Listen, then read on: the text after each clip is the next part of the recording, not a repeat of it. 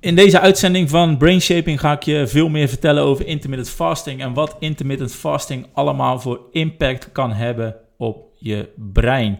Ik ga je meenemen naar de basis van intermittent fasting, wat intermittent fasting is, hoe je het toe kan passen, welke protocollen er zijn en ik sluit af met wat voor mega effect het heeft op de laaggradige ontsteking, de aanmaak van neurotransmitters in je hersenen en uiteindelijk het effect om slimmer, sterker en succesvoller te worden.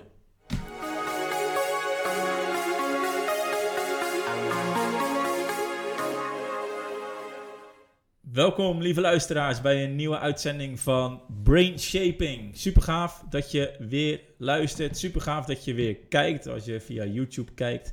En echt super gaaf en dankbaar dat je weer tijd hebt vrij weten te maken om uh, te luisteren naar informatie die ik onder andere geef over het creëren van een goede breinconditie, brain shaping.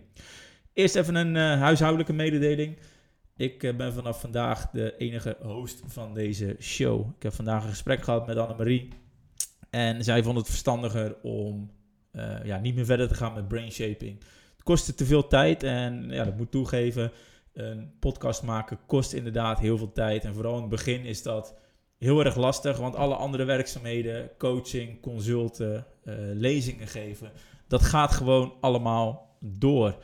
Um, ik heb ervoor gekozen om wel gewoon door te gaan. Uh, mede omdat ik het gewoon super gaaf vind om allemaal informatie te geven over dingen waar ik misschien iets meer over weet dan de gemiddelde persoon. En ik vind het gewoon super tof om informatie te delen, inspiratie te geven om iemand zijn leefstijl aan te passen.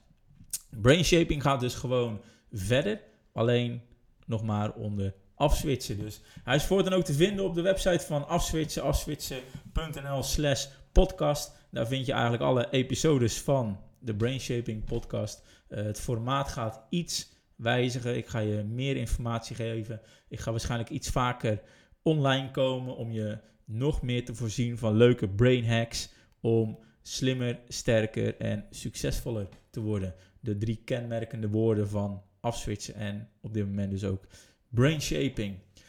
Dat gezegd te hebben, ehm, gaan we naar de uitzending van vandaag. En de uitzending van vandaag gaat over intermittent fasting. En dat is misschien wel een van de meest trending words die je op dit moment in Google kan vinden. Intermittent fasting kom je echt overal tegen. Als je nog nooit hebt gehoord van intermittent fasting, dan uh, ga ik je nu vragen onder welke steen je hebt geleefd de afgelopen maanden. Intermittent fasting, het nieuwe dieet. En het kon niet anders dan dat ik hier een keertje over ging praten in de uitzending uiteraard. Wat heeft intermittent fasting nu voor connectie met breinconditie? Heeft het er iets mee te maken? Heeft het er helemaal niks mee te maken? Uh, wat kan je allemaal doen? Wat is intermittent fasting? Ik ga je alles vertellen in deze uitzending. En ik hoop eigenlijk dat je na het luisteren van deze uitzending intermittent fasting op een hele andere manier gaat zien. Zoals met elke trend, uh, altijd op internet, in de fitness, uh, waar ik vandaan kom, daar heb ik superveel trends gezien. er gaan allerlei variaties op komen, gaan allerlei blogartikelen overkomen, gaan allerlei complete websites overkomen. En ik doe daar zelf aan mee, dat moet ik toegeven. Maar er komt niet altijd de meest betrouwbare informatie online, omdat er ook een marketing aspect aan vastgekleefd zit. Oftewel, intermittent fasting. Uh, ik hoop dat je het gaat zien als een andere tool en niet alleen maar als tool om een beetje af te vallen. En misschien is dat snelle afvallen, dat versnelde afvallen, wel een probleem. Misschien is dat wel een van de gevaren van intermittent fasting, dat mensen te snel te veel gaan afvallen. En dat, uh, dat, dat kan kloppen inderdaad. Dus daar ga ik je veel meer over vertellen. Daar wil ik je veel meer over vertellen. En dat ga ik doen in deze uitzending. Intermittent fasting en breinconditie. Nou, wat ga ik je allemaal vertellen? Mocht je kijken op het YouTube-kanaal, dan zie je nu een slide voorbij komen. Wat ik allemaal ga vertellen. Ik ga in ieder geval eerst een achtergrond geven. Wat is intermittent fasting? Dat is wel zo makkelijk. Dan weet je in ieder geval waar ik het over heb en wat je allemaal kan verwachten. Uiteraard verschillende protocollen. Als het een trend is, komen er allemaal protocollen. En ik ga je vandaag introduceren met een nieuw protocol. We kennen allemaal het 16-8 principe, het 5 om 2 principe, het 1 om 1 principe, het OMAD principe. Maar ik geef je het 7 om 31 principe. En dat, dat, dat principe, dat heb ik gekregen uh, van, van, van mijn mentor, de, intermittent living leefstijl. En uh, ja, misschien is het wel voldoende om slechts zeven dagen per maand heel erg secuur op je leefstijl te zijn, zodat je de rest van de maand gewoon iets soepeler kan zijn. Nou, ik ga je dadelijk daar veel meer over vertellen. Ik moet je alleen wel vast vertellen dat het niet alleen maar te maken heeft met intermittent fasting. Maar daarover dus later veel meer. En uiteindelijk, wat heeft intermittent fasting nu voor grote voordelen op je hersenen? En dat heeft te maken met hersenen, dat heeft te maken met ontstekingen, dat heeft te maken met de bloed-hersenbarrière. Daar ga ik je later allemaal veel meer over vertellen. Um, mocht je niet kijken op YouTube, geen paniek. Ik doe het allemaal mondeling gewoon netjes uitleggen. Dus ook met de podcastversie kom je gewoon 100% tot een perfect resultaat. Nou, hoe kan je intermittent fasting dus inzetten om slimmer te worden, om sterker te worden en om gelukkiger te worden? De drie kernwoorden van afswitchen en dus brain shaping op dit moment. Laten we snel verder gaan. Uh, wat is intermittent fasting? Nou, intermittent fasting is niks meer en niks minder, ik zeg het elke keer weer, dan het doelbewust ontwikkelen van een eeuwenoude stressfactor. En zo'n stressfactor, een verstoring van je homeostase, dat heeft in de wetenschap een naam en dat is het hormetische effect, hormese. En dat hormetische effect, dat wil zeggen dat je kortdurend een verstoring krijgt van die balans. En, en, en hormetische eh, eh, effecten, aspecten in de natuur, in je leefstijl, in, in je lichaam, zijn eigenlijk aspecten die je altijd maar kortdurend wil hebben. Want als ze te lang duren, is het behoorlijk gevaarlijk voor je. Dat wil zeggen, bijvoorbeeld honger is een, is een hormetisch effect. En als je te lang honger hebt, ga je dood. Heel simpel. Je kan niet al te lang zonder eten. Daar, uh, daar, daar is de wetenschap het op dit moment wel over eens. Dat je niet al te lang zonder eten kan voordat er uh, verstrekkende gevolgen komen. Bijvoorbeeld dorst hebben ook. Uh, je kan best wel lang zonder water, maar niet al te lang. Want dan gaat het best wel gevaarlijk worden. Hetzelfde als slaap. Je kan best wel lang zonder slaap, maar niet al te lang. Koude, warme. de allerlei factoren van buitenaf die je eigenlijk nodig hebt, waar het lichaam verwacht dat het er is, maar die je niet al te lang mag hebben. Er zit ook een keerzijde aan. Als je het helemaal niet toepast, dan geef je uh, uh, het lichaam niet wat het verwacht. Terwijl het lichaam verwacht die honger, het verwacht die koude, het verwacht die warmte, het verwacht dat dorstmomentje. Als je dat dus niet geeft, wat tegenwoordig in de uh, huidige maatschappij aanwezig is. we hebben bijna geen honger meer. Dat hoeft niet, want we hebben het overal. Maar het niet toepassen van die honger, dat is dus een, een verwaarlozing van het lichaam.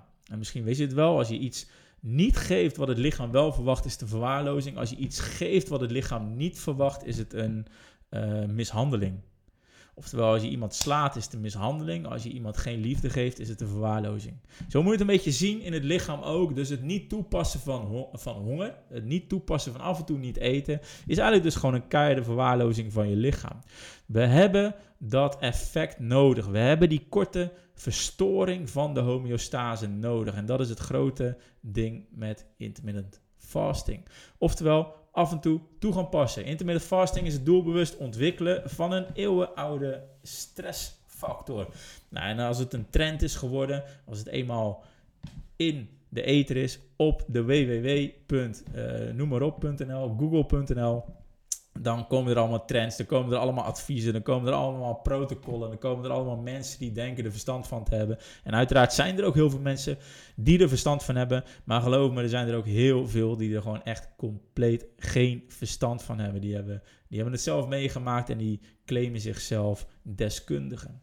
Maar in ieder geval, de protocollen die er zijn, is het 16 om 8 principe. En mocht je mijn website af en toe lezen, mocht je mij al een tijdje volgen, dan weet je dat ik een groot fan ben van het 16 om 8 principe. 16 om 8 principe is heel erg simpel. Je eet 16 uur niks en je eet 8 uur wel. Oftewel 16 uur vasten, de tijd die de wetenschap het merendeel geeft, tussen de 16 en de 18 uur ongeveer, niet eten. 8 uur een eetraam. Mocht je bijvoorbeeld in de Facebookgroep zitten die ik heb, er zitten ongeveer 6.000, 7.000 mensen in, dan zie je heel vaak het woord eetraam voorbij komen. Nou, misschien kijk je, zit je in die groep en denk je, ja, dat, dat, dat, eetraam, dat is inderdaad die 8 uur. Dus vaak van 12 tot 8 bijvoorbeeld, of van 1 tot 9, of van 10 tot 6. Nou, daar kan, kan, je natuurlijk al heel veel vragen op krijgen. Van, ja, moet je nou van 12 tot 8 doen of van 10 tot 6? En wat is nou goed voor je en wat niet? Daar gaan we het niet over hebben in deze uitzending. Er is wel iets ideaals en, en, en dat gaat onder eh, breakfast skipping of dinner skipping.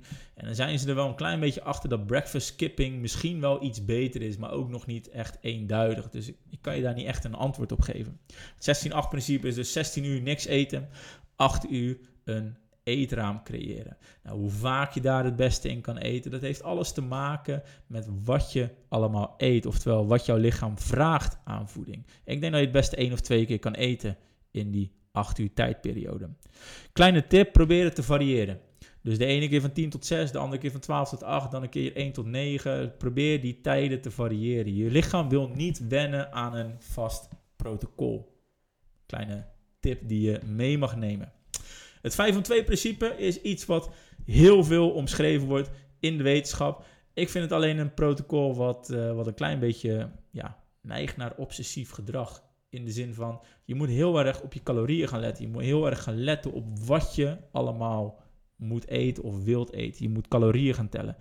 Uh, ik ben er geen fan van, omdat ik denk dat het intermittent fasting protocol, de leefstijl, uh, de stressfactor intermittent fasting toe gaan passen op je lichaam, dat dat ervoor moet zorgen dat je heel erg vrij kan gaan eten.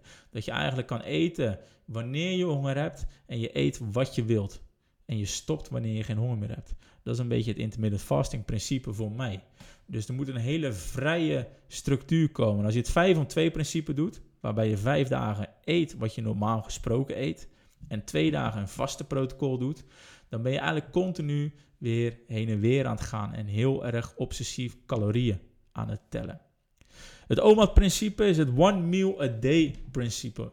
En het One Meal a Day principe, dat is, uh, dat is dus dat je één keer per dag eet. Stel nu dat het om 6 uur s avonds is, dat betekent dus dat je ongeveer 23,5 uur vast naar de volgende 6 uur Um, ervan uitgaande dat je ongeveer 30 minuutjes aan het eten bent. Als dat iets korter is, dan is je vaste periode iets langer. Maar dat lijkt me logisch. Uh, het is een vrij streng principe, omdat je maar één keer per dag eet. Zit een voordeel aan, is dat je veel meer tijd hebt voor andere dingen. Bijvoorbeeld sporten, wat onlosmakelijk verbonden moet zijn met jouw intermittent living lifestyle. Vervolgens het om en om principe, het één om één principe. Uh, dat is eigenlijk gewoon dat je één dag uh, eet zoals je altijd eet en één dag niet eet. Oftewel 1 om 1. Nou, dat 1 om 1 principe, dat is eigenlijk nog wat heftiger dan het OMAD. Want stel nu dat je op maandag om 6 uur eet, voor de laatste keer. Dan eet je pas woensdagochtend weer voor de eerste keer. Dus het is geen 24 uur vast, maar het is bijna een 36 tot misschien wel 42 uur vast. Het 1 om 1 principe is best wel heftig, omdat je echt een hele lange vaste periode hebt, elke keer weer. En de vraag is of je dat nodig hebt. Ik zou eerder een combinatie maken tussen 16-8 en het 1 om 1 principe. Vele malen effectiever, denk ik, en veel makkelijker vol te houden, weet ik. Vervolgens het 7 om 31 principe. Oftewel 7 dagen in de maand doe je uh, een intermittent living leefstijlprotocol. En daarover ga ik je dus later veel meer vertellen. Is het protocol wat ik aan het begin van de uitzending aanhaalde, wat ik heb geleerd van een van mijn leraren. En uh, het, het, het, is uh, heel erg effectief, als ik het zeggen mag. Ik heb het meegemaakt in de Pyreneeën. Ik heb het tien dagen gedaan. En uh, ik heb me nog nooit zo goed gevoeld na het 731-principe, oftewel het intermittent living leefstijl principe. Dit zijn de protocollen.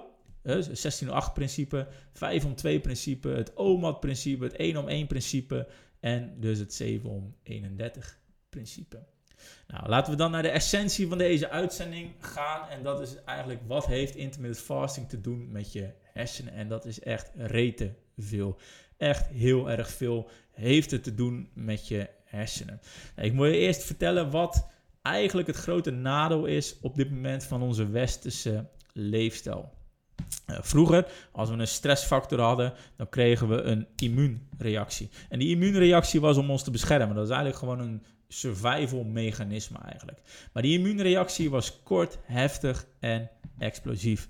En als die, als die immuunreactie dus inging, dan hadden we dus twee keuzes. De, de, het, het, het ziekte verwekken, het virus, dat werd overwonnen of niet.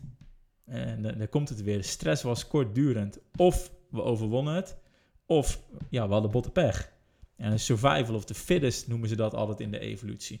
Klinkt bot, maar zo ging het wel. Oftewel, het was altijd een korte, heftige reactie. En als dat te lang duurt, dan gaan we spelen met het immuunsysteem. En dat immuunsysteem, daar wil je eigenlijk niet echt mee spelen. Terwijl als we ervoor zorgen dat die kort en explosief blijft, dan is er eigenlijk helemaal niks aan de hand. Maar als het een, uh, een systemische activatie blijft van jouw immuunsysteem, dan hebben we een probleem. En in de wetenschap gaat dat onder de naam low-grade inflammation. Heeft heel veel te maken met hormonen, cortisol, insuline, met je hersenstressas, met je hersen uh, schildklieras. Dat kan ik allemaal niet gaan uitleggen in deze uitzending. Het komt erop neer dat je een complete shift in je metabolisme krijgt. En dat is heel erg belangrijk om te onthouden. Een shift in je metabolisme. Een low-grade inflammation veroorzaakt een afname van mitochondria. Nou, een low-grade inflammation kan je eigenlijk een beetje vergelijken met bijvoorbeeld een barbecue. Stel nu dat je denkt dat die barbecue uit is, maar je steekt je hand erin en de kolen zijn nog steeds aan het smeuien, dan brand je je klauwen. Dat is waar, hè? Dat klopt. Dus je brandt je klauwen. En dat is precies hetzelfde. Je ziet het aan de buitenkant niet, maar hij staat nog eigenlijk kei en keihard te fikken. Dat is in je lichaam ook. Je denkt eigenlijk dat er niks aan de hand is. Je voelt eigenlijk helemaal niks. Maar er is wel degelijk een ontsteking gaande in je lichaam. Een low-grade inflammation. Kans dat je die hebt is vrij groot. Want ongeveer 70 tot 80 procent van de Nederlandse bevolking heeft te maken met een low-grade inflammation. Dat komt gewoon door onze westerse leefstijl, door onze keuze van eten, door onze frequentie van eten, door het zittende leefstijl, etc. Allemaal aspecten die in de intermittent living leefstijl terugkomen. Zo'n low-grade inflammation die veroorzaakt een afname van mitochondria. Nou, mitochondria, dat is een kleine celkern in je cel. Nou, klinkt raar misschien, maar het is een kleine cel in jouw cel. En die kleine cel in jouw cel, die mitochondria, die maakt energie. Ze noemen het ook wel eens energiecentrales. En die mitochondria die kan ervoor zorgen dat je een aerobe uh, verbranding krijgt, een aerobe energie aanmaakt. Nou, eh, om daar niet al te ver op in te gaan, maar om je wel uitleg te geven, een aerobe energie aanmaakt, maakt 68 keer zoveel energie aan. Oftewel, je kan veel beter energie aanmaken als je een aerobe verbranding hebt. Maar daar heb je wel die mitochondria voor nodig. Die kleine celletjes in die celletjes van jouw lichaam. Dus die energiecentrales heb je daarvoor nodig, die mitochondria. En low-grade inflammation, LGI, veroorzaakt een afname van mitochondria. Dat is dus een nadeel, want als je dat dus hebt, ga je steeds meer en meer en meer op een suikerverbranding uh, bouwen. Oftewel, jouw lichaam gaat heel erg suikerafhankelijk worden als jouw mitochondria afneemt. Dus je wil eigenlijk heel veel mitochondria hebben om een vetzuurverbranding te krijgen. Het grote voordeel van een heel energiek leven. En als die mitochondria dus afneemt, dan word je dus steeds meer een, een suikerverbrander, suikerverbrander, suikerverbrander. Het nadeel van een suikerverbrander is dat je altijd moet eten om energie te krijgen. Ik kan het uitleggen aan een klein verhaaltje. Dat vertel ik altijd aan mensen die ik coach. Stel nu, ik ben jou aan het coachen. Ik ben jou aan het behandelen in mijn praktijk. En je zit tegenover me. En ik heb een mooi documentje gemaakt over waar we gepraat hebben. Dus we hebben gepraat bijvoorbeeld over insuline en over cortisol, et cetera. En ik wil dat documentje netjes in een mapje doen om aan jou mee te geven. Maar ik heb geen mapjes meer. Verrek, ik op de fiets naar de kantoorwinkel en ik koop een mapje. Eén eh, mapje, kom terug, doe dat document in het mapje. Ik geef het mapje aan jou. Ik zeg alsjeblieft veel plezier, fijne dag, tot de volgende keer. En vervolgens komt Piet in de praktijk, die komt ook een consult doen. Ik wil een mooi document gemaakt. Ik denk, verrek, mapjes zijn op. Ik moet weer op de fiets naar de kantoorwinkel. Ik pak ook weer een mapje. Ik moet hem weer eh, erin. Ik zeg, Piet, alsjeblieft, veel plezier, fijne dag, tot de volgende keer. En dan komt Truusje. En precies hetzelfde. Nou, dat is niet echt effectief. Maar zo werkt het ook als jouw mitochondria afneemt. Elke keer als je moet bewegen, als je wil bewegen, als je wat wil gaan doen, moet je gaan eten. Dat creëert dus een enorm luie leefstijl, een enorm vermoeide leefstijl. En vermoeidheid staat aan de basis van heel veel narigheid in het lichaam. Een ander nadeel dat je geen mitochondria meer hebt of een low-grade inflammation, is dat je steeds meer en meer trek krijgt en dus steeds meer en meer en meer gaat eten, minder, minder, minder gaat bewegen. Nou ja, die, die, die optelsom hoef ik je hopelijk niet uit te leggen, dat als je meer gaat eten, minder gaat bewegen, dat je waarschijnlijk iets uh, vettiger wordt. dat je iets meer gewicht gaat krijgen, dat je iets overgewicht gaat ontwikkelen. En de kans dat je dan veel meer gaat bewegen is heel erg laag. Daarnaast beïnvloedt het het cognitieve vermogen, oftewel jouw hersenen krijgen significant minder minder en minder energie, waardoor ze veel minder vermogen krijgen om cognitieve beslissingen te nemen. En het beïnvloedt de werking van de neurotransmitters. Nou, genoeg negatief gelul, denk ik zo, want uh, ik hoop dat je ziet dat het uh, uh, ontwikkelen van low-grade inflammation, dat dat een behoorlijk nadelig effect heeft op jouw lichaam en op jouw leefstijl. Maar wat heeft intermittent fasting hiermee te maken? Heel veel. Want intermittent fasting vermindert low-grade inflammation. Dat is gewoon een feit. Dat via verschillende pathways in het lichaam, onder andere eentje die noemen ze mTOR. Uh, maar het, het, het vermindert het low-grade inflammation effect. Het, het, het geeft een trigger, een stressfactor aan het lichaam die die gewend is. Zodat het lichaam weer een oude stressfactor krijgt en weer gaat functioneren zoals het moet functioneren. En dat door simpelweg 16 uur niks te eten, maar dan ook echt helemaal niks te eten. Geen enkele calorie naar binnen krijgen. Intermittent fasting stimuleert de aanmaak van mitochondria en dus de aerobe verbranding, oftewel het aerobe metabolisme. En dat kan ook niet anders, want als jij niet gaat eten, na ongeveer 8 uur, is jouw glucosevoorraad op. Als jouw glucosevoorraad op is en jij moet energie gaan maken om te gaan bewegen, oftewel jij wil gaan bewegen en je moet dus energie gaan maken, dan moet jouw lichaam dat gaan doen. En dit keer wel heel erg moeten. Sommige mensen zijn een beetje tegen moeten. Ik soms ook wel. Als het echt moet, dan ga je met twee benen in het, uh, in het, in het verzet staan. Maar nu moet je lichaam echt energie gaan maken. Dus wat ziet men als je intermittent fasting doet en je vraagt dat je lichaam energie moet gaan maken, oftewel beweging, sporten, dat je lichaam veel meer mitochondria aan gaat maken. Het is een keiharde noodzaak geworden. Nou, meer mitochondria's, meer energie, een verlaging van de ontsteking en je intermittent fasting opent de barrière naar de hersenen weer. En dat komt gewoon omdat er een veilige omgeving wordt gecreëerd. Je hersenen krijgen weer voldoende energie, je lichaam heeft voldoende energie en dat door simpelweg 16 uur niks te eten. Daarnaast stimuleert intermittent fasting de aanmaak van de zogenaamde ketonen. En dat is de welbekende ketose waar iedereen over praat tegenwoordig. Je wil in ketose komen, maar niet door de keuze van je voeding, maar door de leefstijl die je erop nahoudt. Oftewel, intermittent fasting is een van de elementjes, een van de hormetische effecten die jouw lichaam in ketose drukt. En ketose boost gewoon de hersenen. Dat is een van de energiebronnen waar jouw hersenen echt gewoon super goed op gaat.